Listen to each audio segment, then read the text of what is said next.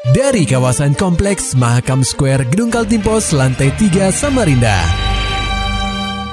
96,8 KPFM Kita akan ikuti program KP Flash News.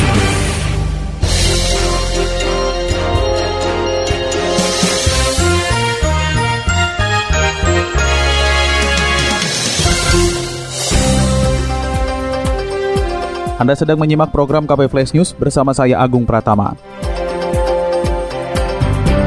Berita utama. Pemerintah mulai waspada terhadap lonjakan COVID-19 mendekati hari libur Natal dan Tahun Baru atau Nataru. Dalam sebuah wawancara, Wakil Gubernur Kaltim Hadi Mulyadi mengingatkan masyarakat agar tidak berlebihan merayakan Nataru. Masyarakat tetap harus mematuhi protokol kesehatan demi mencegah peningkatan kasus di awal tahun liburan uh, makanya kalau arahan presiden kan dilarang mengadakan acara-acara besar dalam rangka hmm. uh, tahun ya. nah, Natal Natal dan tahun baru jadi ya dilewati biasa-biasa saja lah ya kalau sebagai rasa syukur silakan mereka yang uh, umat Nasrani silahkan ke gereja tapi dengan protokol kesehatan yang ketat dengan jumlah uh, jumlah tak jumlah peserta dibatasi. Di sisi lain, Wagub Hadi Mulyadi berharap target vaksinasi di akhir tahun sebesar 70% dari jumlah penduduk bisa tercapai. Uh, vaksin secara cepat, semoga nanti akhir Desember sudah 100% dari 70% penduduk yang ditargetkan oleh WHO. Dan itu sudah kita mencapai herd immunity dan kalaupun tidak ya mundur-mundurnya sebulan lah, sudah satu bulan. Wagub Hadi Mulyadi menambahkan, umat Nasrani yang merayakan Nataru dapat menghadirkan niat untuk bersyukur. Sementara itu pendengar KP bocah laki-laki bernama Muhammad Hasbi dilaporkan menghilang secara tiba-tiba saat sedang bermain bersama teman sebayanya di Jalan Sendawar, Kelurahan Loabuah, Kecamatan Sungai Kunjang, Sabtu 27 November 2021.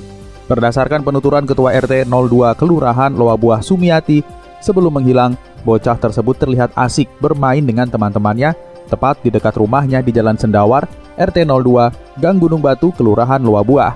Menjelang waktu salat maghrib, Sumiati sempat menegur anak-anak tersebut agar segera pulang ke rumah masing-masing. Sumiati baru sadar salah satu anak-anak yang bermain dilaporkan hilang setelah orang tua bocah tersebut mencari-cari keberadaan anak sulungnya. Di sini aja karena areanya di sini, areanya di sini aja. Karena uh, saat ini aku mau rencana rencana tadi sore ini maksud saya jam segini nih saya mau menerjuni jurang di situ. Takutnya dia main sendiri di atas gunung itu di anu apa jatuh di jurang atau apa. Oh di jurang oh ada jurang situ ya? jurang banget nggak bu? 50 meter? 50 meter ya, dia naik, naik gini ini gunung langsung jatuh begitu oh iya. jadi jalanannya itu segini langsung potong. Dua hari setelah anak sulungnya hilang, ibu korban Konita segera melaporkan kejadian ini ke Mapolsek Sungai Kunjang. Ditemui usai membuat laporan, Konita menuturkan sebelum hilang, anaknya memang sempat izin keluar rumah untuk bermain. Dirinya pun berpesan agar dia tidak bermain terlalu jauh karena Konita hendak jalan ke rumah keluarganya. Dari pengakuan adiknya, Konita mengatakan anaknya tersebut memang berkali-kali pulang ke rumah untuk meminta uang. Namun menjelang maghrib, bocah tujuh tahun itu tak kunjung pulang sehingga Konita panik mencari keberadaan anaknya tanya pas pulang itu bapak salah dengan teman-teman yang biasa dia main. Saya tanyai ada lihat hasbi? Hasbinya dibawa sama kainya bilangnya gitu. Hmm. nah saya bawa kainya jadi sudah sampai di rumah saya tanya lah sama ade ada hasbi kan pulang? Ada tapi pulang lagi. Ada bapak kan pulang? Tidak ada dia bilang. Ya sudah saya carilah tadi. Belum ada ngomong kalau memang belum ada pulang tadi kan saya cari sendiri dulu keliling keliling keliling di mana tempat dia biasa main. Sudah cariin tidak ketemu. Jadi saya suruh adik lagi keliling tidak ada juga Sampai saat ini bocah 7 tahun bernama Muhammad Hasbi tersebut masih belum ditemukan. Beberapa warga dan petugas kepolisian pun telah turun tangan untuk melakukan pencarian di mana keberadaan bocah 7 tahun tersebut. Dari dunia olahraga, laga antara Borneo FC melawan Persija Jakarta berakhir dengan dramatis. Laporan selengkapnya akan disampaikan reporter KPFM Samarinda, Muhammad Nur Fajar. Borneo FC berhasil menumbangkan Persija Jakarta dengan skor 2-1 dalam lanjutan pekan ke-14 BRI Liga 1 di Stadion Madia Magelang pada Senin 29 November 2021. Persija Jakarta lebih dulu unggul melalui gol Marco Simic di menit ke-20.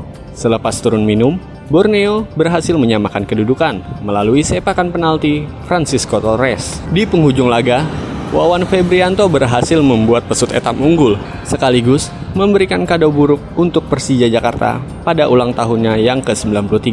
Skor 2-1 untuk Borneo FC bertahan hingga laga usai.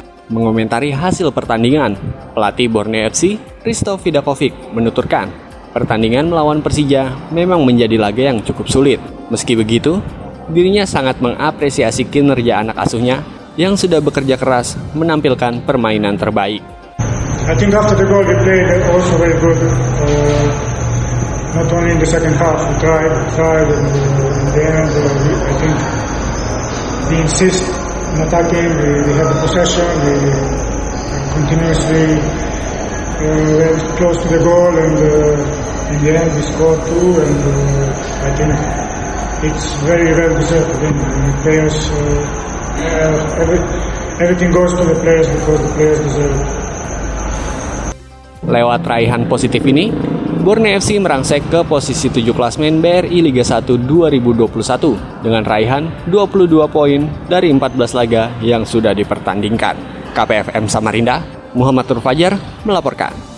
Berita olahraga lainnya pendengar KP, setelah dapat kucuran dana 100 miliar rupiah, Porprov Brau berencana mainkan 52 cabang olahraga. Berikut laporan reporter KPFM Samarinda, Maulani Alamin.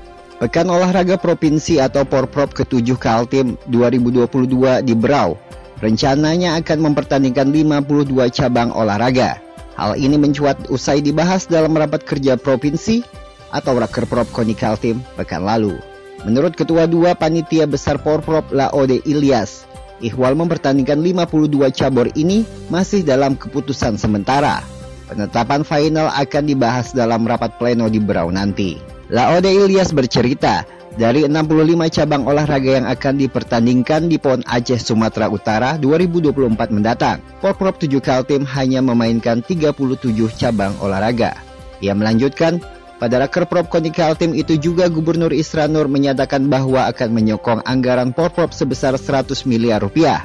Wacana kucuran dana itu membuka opsi bagi panitia besar Porprov untuk menambah cabang olahraga yang akan dipertandingkan.